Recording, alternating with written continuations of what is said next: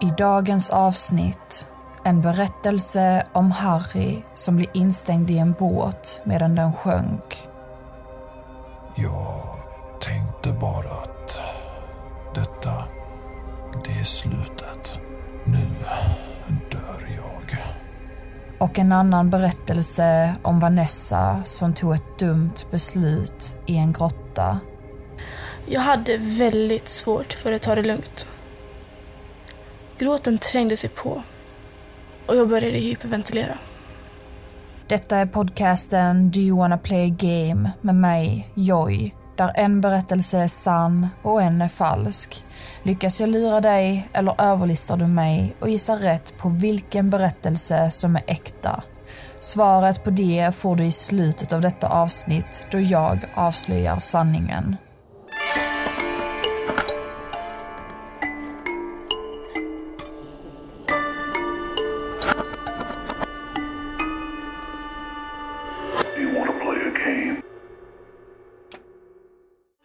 Dagens avsnitt har jag valt att kalla Instängd i ett trångt utrymme. Klaustrofobi är en av de mest vanliga fobierna vi människor drabbas av och detta avsnitt lär trigga alla som tycker det låter obehagligt att sitta fast på trånga ställen. I den första berättelsen kommer du få höra om Harry som blir instängd i en sjunkande båt.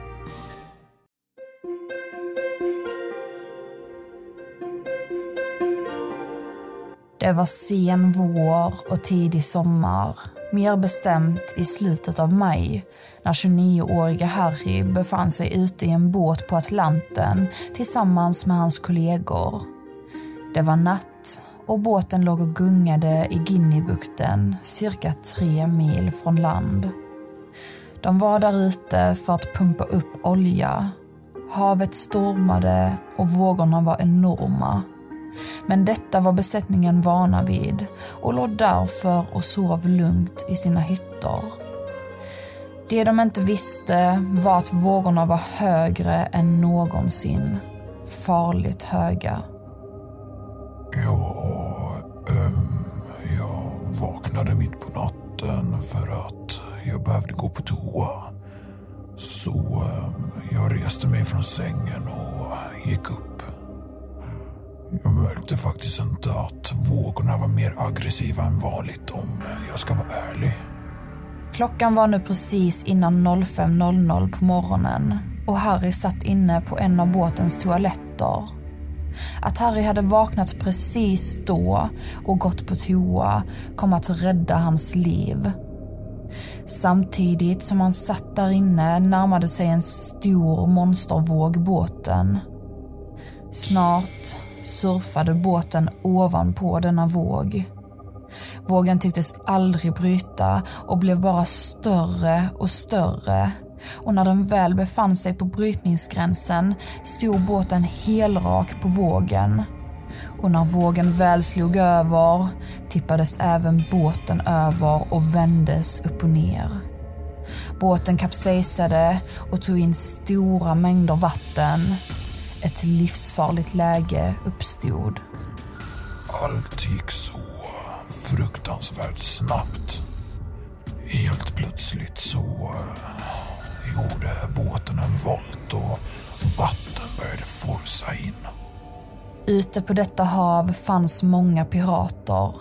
På grund av det brukade alla i personalen låsa in sig i sina hytter för säkerhetsskäl. Hytterna låstes via en nyckel inifrån hytten och behövdes även låsas upp med samma nyckel för att man skulle kunna öppna dörren igen. Men dessa låsta dörrar skulle nu göra så att vissa personer inte kunde öppna sina dörrar alls och för andra tog det alldeles för lång tid att öppna. Att dörrarna inte gick att öppna med detsamma kan vara en stor anledning till att så många människor dog den här natten. Harry, som både var vaken och klar i huvudet samt befann sig utanför sin hytt med det krångliga låset, hade bättre förutsättningar att överleva. Ja, ja, jag föll till golvet och liksom vatten under mig bara steg och steg. Så jag ställde mig upp och försökte dra upp toalettdörren men trycket vattnet skapade var helt sjukt så det var svårt alltså. Harry drog i dörren det värsta han kunde men lyckades bara få upp den i en liten glipa. Genom den lilla öppningen kunde han se hur några av hans kollegor lyckades ta sig ur sina rum och simmade ut ur nödutgången i taket som just nu var vänt nedåt, som om det var golvet eftersom att båten låg upp och ner. Sekunder senare, när båten var fylld med ännu mer vatten, såg han hur ytterligare några kollegor lyckades öppna sina dörrar. Men nu var trycket i korridoren så högt att de bara slungades ut ur sina hytter. De kastades in i väggar och verkade bli medvetslösa.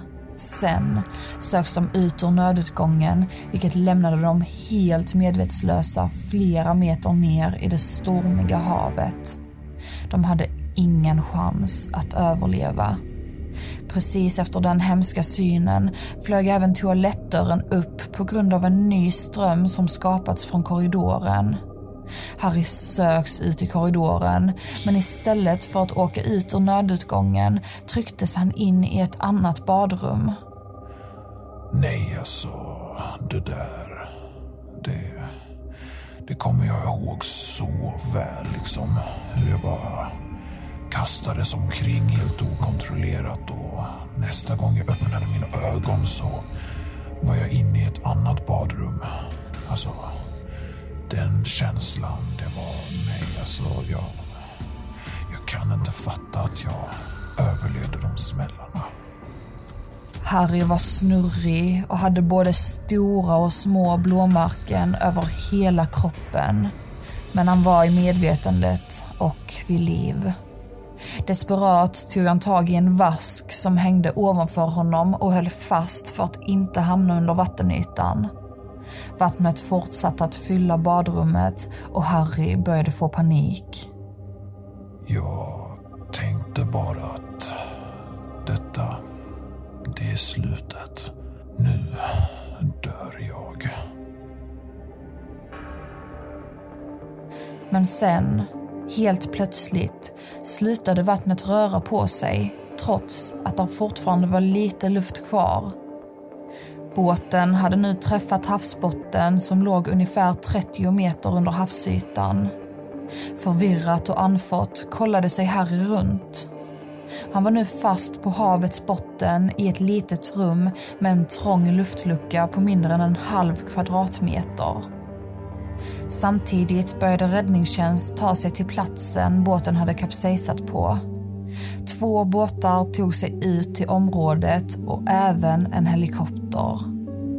Dykare upptäckte snabbt var vraket låg och markerade då platsen med en stor boj. När de simmade ner till vraket började de banka på båtens undersida som nu låg uppvänd. Harry, som satt fast inne i båten, hörde hur det bankade och började desperat banka tillbaka. När jag till slut hörde att någon bankade så fattade jag att det var räddningstjänst vilket gjorde mig sjukt exalterad och fylld av hopp. Men sen så slutade de banka och jag, jag hörde inte dem något mer efter det. Dykarna hade inte tillräckligt med tillgångar för att kunna stanna under vatten så pass länge på ett så långt djup. Och de hade inte hört Harry när han bankade på båten så de återvände upp till havsytan. Räddningen avslutades så fort dykarna återvände då de inte hade hittat några tecken på överlevande. Så alla åkte tillbaka hemåt och skulle fortsätta processen nästa dag. Harry förstod efter ett tag att dykarna inte hade märkt av honom och att de hade återvänt till land. Han fick ångest och försökte sitt allra bästa för att inte få en panikattack. Han visste att desto mer han andades, desto mindre syre skulle finnas kvar. Så Harry tog få och små andetag och fokuserade på att drömma sig bort till en annan värld. En annan värld där han inte satt fast i ett extremt trångt utrymme. Tiden gick och det Det kändes som en evighet.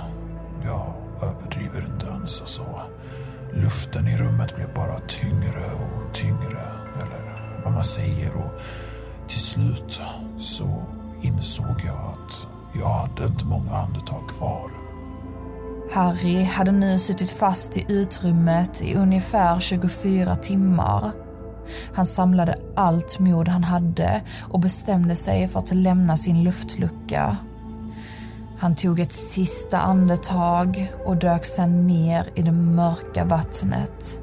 Han kunde inte se någonting, visste inte alls var han simmade. Men han kände sig för så han inte simmade in i något. Och till slut hittade han in i ingenjörernas kontor och mot alla odds var där ännu en luftlucka. Denna luftlucka var mycket större än den förra.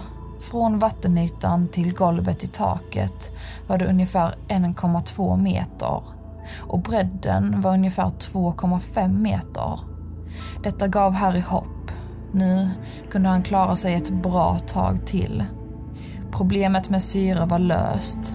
Detta gav honom utrymme till att fokusera på andra problem, såsom att han frös. Jag hade bara boxers på mig och vattnet var iskallt så givetvis frös jag väldigt mycket. Harry fick hypotermi. Detta innebär att hans kroppstemperatur sjönk mycket lägre än den ska vara. Han började känna sig omkring i rummet. Efter ett tag hittade han några verktyg, en madrass och lite bitar som lossnat från väggarna. Med dem byggde han en liten plattform över vattenytan som han sen klättrade upp på. Nu var han ovanför det kalla vattnet, vilket hjälpte hans kropp att inte förlora värme lika snabbt. Men han frös fortfarande och var dessutom hungrig, törstig och livrädd. Harry var religiös, så att be till Gud hjälpte honom alltid när han kände sig rädd eller orolig över något. Jag försökte tänka på min familj, för det, det gav mig kämpaglöd. Jag bad även till Gud. Jag, jag bad att han skulle rädda mig, att jag skulle klara mig ut levande. Tiden gick och snart började han känna en hemsk lukt. Något luktade väldigt äckligt och ruttet. Snart insåg han att det var liken från de som aldrig lyckades ta sig ut och dog inne i båten. Med tanke på att Harry befann sig i ett väldigt fuktigt utrymme funderade han på hur länge det skulle ta innan han själv började ruttna bort. Klockan fortsatte att ticka och snart började Harry bli galen.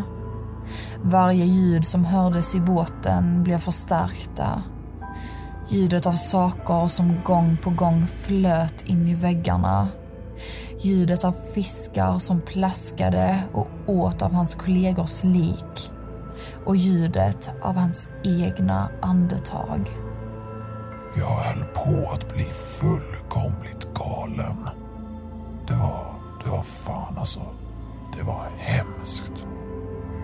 Samtidigt, uppe på vattenytan, hade en flytkran och ett gäng professionella dykare anlänt till platsen. De hade kommit dit för att plocka upp båten samt kropparna hos de döda besättningsmedlemmarna.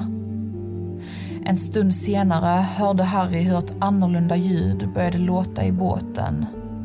Bankningar som liknade de man hade hört tidigare började återigen låta han insåg att dykare hade anlänt till platsen igen.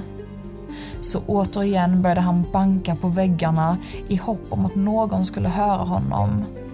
Men det verkade inte som att de gjorde det. I samma stund såg han något som lös upp längre bort i rummet. Det var en dykare med hans lampa som simmade förbi ingången till rummet.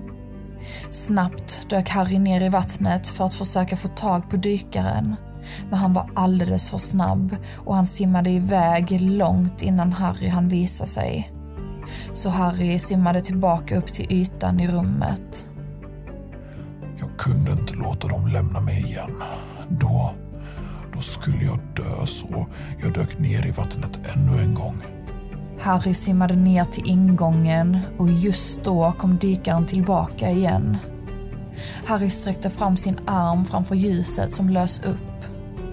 Dykaren tog tag i handen för att dra fram vad han trodde var ett lik. Men då klämde Harry dykarens hand tre gånger.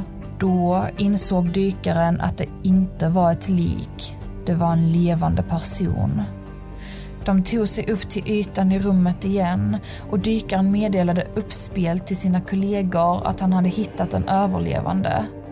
Snabbt tog de sig in i rummet och gav Harry en mask med syre och hällde stora behållare med varmt vatten över honom. De lät Harry andas genom masken i cirka 20 minuter. Sen gav de honom en dykarhjälm och simmade fram till en dykarklocka som hissats ner längre bort. I den hissades han sen upp till båten ovanför vattenytan. Jag spenderade 60 timmar under vatten. Ja, jag kan inte fatta det riktigt att jag klarade det då, men det gjorde jag. När jag kom upp så eh, trodde jag faktiskt att jag bara hade varit instängd i 12 timmar, men eh, det var 60 timmar. Det var det.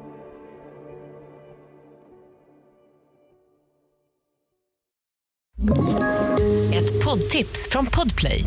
I fallen jag aldrig glömmer djupdyker Hasse Aro i arbetet bakom några av Sveriges mest uppseendeväckande brottsutredningar.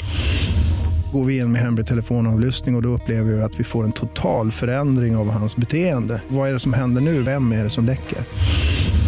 Och så säger han att jag är kriminell, jag har varit kriminell i hela mitt liv men att mörda ett barn, där går min gräns. Nya säsongen av Fallen jag aldrig glömmer på Podplay. Det var allt om den första berättelsen. Vad tror du? Är denna berättelsen sann eller är den falsk? Vi fortsätter till nästa berättelse som handlar om Vanessa som blev lite för modig och nyfiken när hon och hennes vänner utforskade en grotta.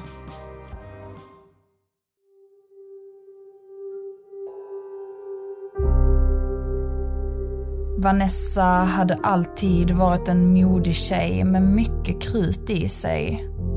Hon hade alltid kommit bättre överens med killar än tjejer och hade varit vad man kallar en pojkflicka ända sedan barnsben. Men att ständigt umgås med killar hade satt sina spår i Vanessas beteende. Hon upplevde ofta att hennes killkompisar såg alltså ner på henne lite grann just för att hon var en kvinna. Alltså, det var ju inte så att de menade att vara elaka direkt eller så. Det blev väl bara vår jargong i gänget. Och jag var tjejen och de var männen. Och att jag inte klarade lika mycket som dem, så ja. Vi kunde retas och tetas och lite så. Även fast Vanessa förstod att hennes vänner inte var seriösa så triggade deras uttalanden henne till att göra vissa saker för att motbevisa det de sa. Hon ville ständigt visa dem att hon inte var en mesig liten tjej som de kunde köra med, även om de visste det allra längst inne. Och det skulle leda till en läskig upplevelse för Vanessa. Ett gemensamt intresse vi hade, det var att utforska grottor. Så det gjorde vi en hel del faktiskt. En vinter befann sig Vanessa och hennes vänner Josh, Ludvig, Mikael och Samuel i Sydafrika. De var där för att utforska The Kango Caves, en av världens längsta och största grottor. Tanken var att de skulle spendera en dag till att göra den populära guidade turen The Adventure Tour för att få en bättre uppfattning om grottans struktur. Dagen efter det skulle de själva bege sig på ett olagligt äventyr där de skulle smyga in sig i en del av grottan som inte var öppen för allmänheten. De hade läst på olika forum om de olika ställena man kunde ta sig in i den här grottan och de valde det stället som verkade minst omtalat eftersom de ville få sig ett unikt äventyr som enbart få människor upplevt. Vi gjorde den guidade turen och försökte ställa så många frågor som möjligt för att lära känna grottan. Det gick bra och så. Så nästa dag kände vi oss redo för att utforska grottan själva. Vännerna gick upp tidigt på morgonen för att bege sig till den hemliga öppningen som skulle leda dem in till grottan. Efter ett tag var de framme. Ingången var ganska dold och klurig att ta sig igenom men när de väl hittat den och lyckats trycka sig igenom den trånga öppningen stod de inuti ett stort majestätiskt utrymme. Wow. Det var allt vi kunde säga. Det var så häftigt. Grottans magnifika struktur fick gänget att bli ännu mer exalterade på att utforska vad mer grottan hade att erbjuda. De tyckte att det var så otroligt vackert.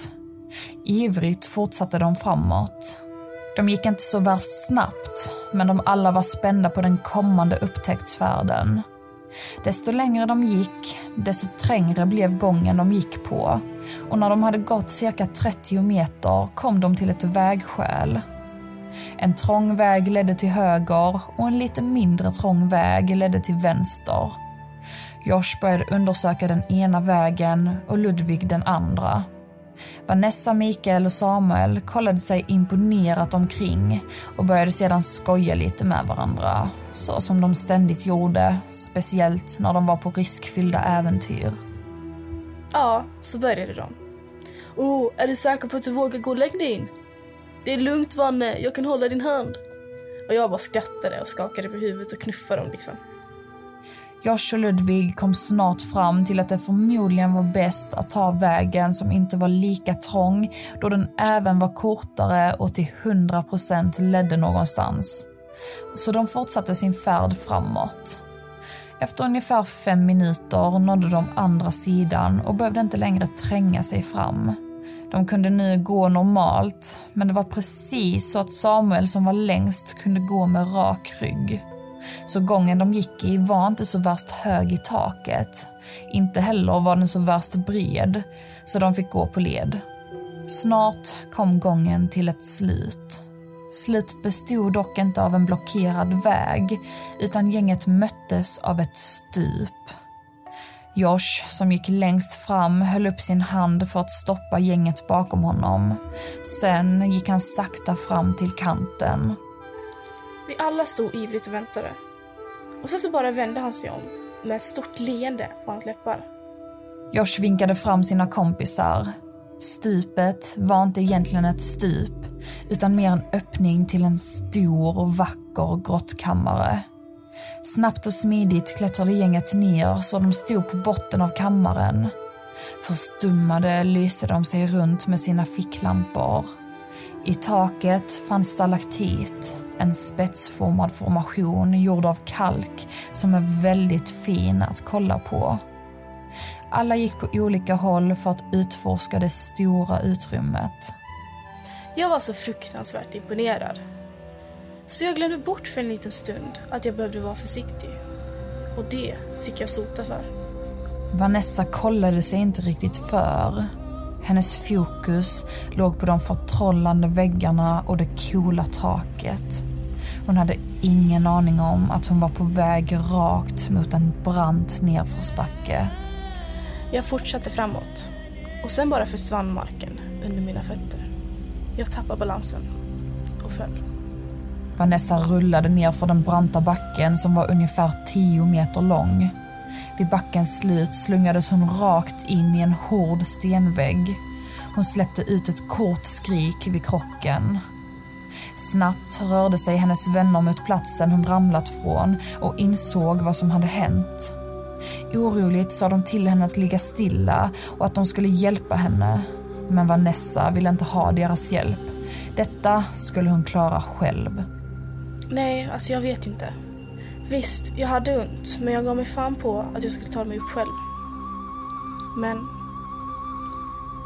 Jag skulle låtit dem hjälpa mig. Vanessa hade ont i en av sina revben. Hon hade tagit en rejäl smäll mot sidan. Trots det reste hon sig upp och borstade av sina kläder medan hon snäsigt sa åt killarna att hon klarade sig själv. Hon kollade sig omkring. Backen var alldeles för brant för att hon skulle kunna ta sig upp för den eftersom den var så kal. Men längre bort såg det ut som att det var lite gropigare och stenigare, så där skulle hon säkert klara av att klättra upp. Hon gick dit och skulle precis börja klättra upp, men då hörde hon något som distraherade henne. Det var ljudet av vatten som porlade. Bakom henne fanns en extremt trång glipa. En glipa som enbart Vanessa skulle kunna klämma sig emellan. Hon ropade till killarna att hon hade hittat glipan och att det lät som att det var vatten på andra sidan. Killarna ropade tillbaka att hon inte skulle gå in, att hon i så fall skulle vänta på dem så att Josh eller Ludvig kunde kolla närmre på luckan. Jag minns att jag bara kollade upp på dem. Och sen så sa jag, nu passar det sig att vara med va? Lite så med glimten i ögat. Men alltså, de hade ju rätt egentligen. Vanessa ville inte inse allvaret i situationen. Så hon svingade sig upp i den trånga springan och började kravla sig framåt. Bakom henne skrek hennes vänner efter henne. De ville att hon skulle lägga av, men Vanessa fick en så stark adrenalinkick genom sig som bara gjorde att hon inte kunde sluta. Det blev bara trängre och trängre, men hon var snart framme vid andra sidan. Och vem vet, tänk så skulle hon hitta ett drömlikt vattenfall. Tanken triggade henne och gjorde att hon bara tryckte sig längre och längre in. Det tog emot och Vanessa fick nästan hålla andan. Men hon var så nyfiken på att se vad som gömde sig på andra sidan samtidigt som hon ville trotsa killarnas vis att styra och ställa över henne. Hon var nu en armlängd ifrån slutet av springan så hon greppade kanten och drog sig framåt. Men då tog det stopp. Vanessa hade fastnat. Och det var typ då det slog mig. Liksom, vad fan höll jag på med egentligen? Jag var ju helt dum i huvudet. Vanessa försökte desperat gnugga sin kropp bakåt. Men det gick inte. Hon satt verkligen helt fast. Nu började paniken smyga sig på. Hon kände hur hennes ögon tårades, men hon visste att hon behövde vidhålla en lugn andning. Hon skulle inte kunna gråta och ta djupa andetag. Det fanns inget utrymme för det. Istället började hon repetitivt säga att hon satt fast för att meddela hennes vänner. Samuel och Josh kasade då ner för backen för att försöka hjälpa Vanessa ut. De sträckte in sina armar, men ingen av dem nådde henne. Hon var alldeles för långt in. Ingen av dem skulle heller kunna trycka sig in utan att fastna. De båda var mycket större än Vanessa trots att Josh var lite mindre byggd än de andra killarna i gänget. Vanessa var utan tvekan minst. Jag hade väldigt svårt för att ta det lugnt. Gråten trängde sig på och jag började hyperventilera. Samuel stannade med Vanessa och försökte lugna ner henne. Men hennes panik fortsatte att stiga. Det trånga utrymmet gjorde det svårt för Vanessa att ta djupa andetag, vilket gav henne illusionen om att hon inte kunde få luft. Hon började då sparka och slå med hennes armar medan hon förtvivlat kämpade fram orden att hon inte kunde andas. Samuel fortsatte att försöka få henne på andra tankar, men det gick inget vidare. Killarna var nu tvungna att agera snabbt. Ludvig och Mikael skyndade sig ut ur grottan för att hämta hjälp. Det tog inte lång tid innan de två killarna var ute ur grottan. Men det dröjde ett bra tag innan de kommit tillbaka in i grottan tillsammans med folk som kunde hjälpa dem. Vanessa hade suttit fastklämd i cirka två timmar innan räddningsprocessen påbörjades. Under tiden hade hon lyckats lugna ner sig en aning. Men hennes panikattacker hade kommit som i vågor. Ena stunden var hon okej okay, och i andra kunde hon skrika av gråt. Men efter ytterligare en halvtimme hade Vanessa kommit loss från hennes fängelse två kvinnor som var likt byggda Vanessa hade lyckats krypa in en bit i springan och försiktigt tagit loss henne med gemensam kraft. Jag tackar gudarna för att mina vänner fanns där för mig, trots mina idiotiska handlingar den dagen. Och ja, att de fortfarande vågar utforska grottan med mig idag. Jag tror vi alla lärde oss något den dagen faktiskt. Jag lärde mig att inte ta egna impulsiva beslut. Men, viktigast av allt, så lärde de sig att jag inte är en mesig liten tjej. Det var allt för den andra berättelsen. Snart ska vi ta reda på vilken av dessa två berättelser som är den sanna. Men först ska du få en liten repris på vad de handlade om. I den första berättelsen fick du höra om Harry som drogs ner till havets botten med en sjunkande båt. Otroligt nog lyckades Harry hålla sig vid liv i hela 60 timmar tack vare luftluckor som bildats på två olika ställen i båten. Slutligen blev han upptäckt av dykare som letade lik och räddades. I den andra berättelsen fick du höra om pojkflickan Vanessa som gav sig ut på en olaglig upptäcktsfärd tillsammans med hennes killvänner. Deras ständiga provokationer om att hon var svagare än dem ledde henne till att våga sig in i ett trångt utrymme för att sedan fastna. Där satt hon fast i två timmar innan hon fick hjälp ut. Så vilken av dessa två berättelser är den sanna? Det ska vi ta reda på nu.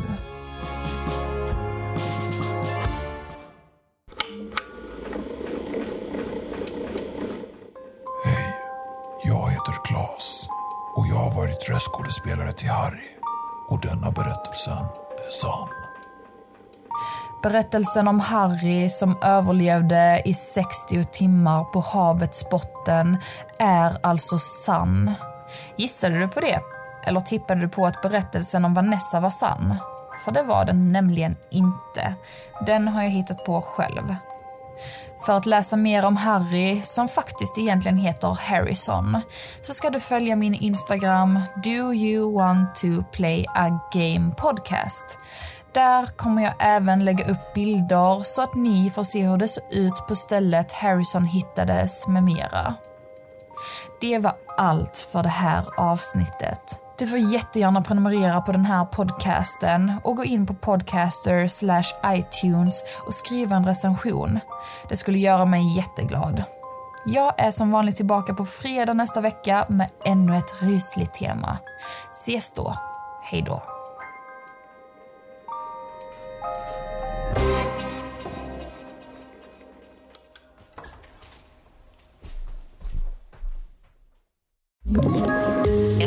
Poddtips från Podplay. I podden Något Kaiko garanterar östgötarna Brutti och jag, Davva, dig en stor dos skratt. Där följer jag pladask för köttätandet igen. Man är lite som en jävla vampyr. Man har fått lite blodsmak och då måste man ha mer. Udda spaningar, fängslande anekdoter och en och annan arg rant. Jag måste ha mitt kaffe på morgonen för annars är jag ingen trevlig människa. Då är du ingen trevlig människa, punkt. Något Kaiko, hör du på Podplay. Därför är gardinerna.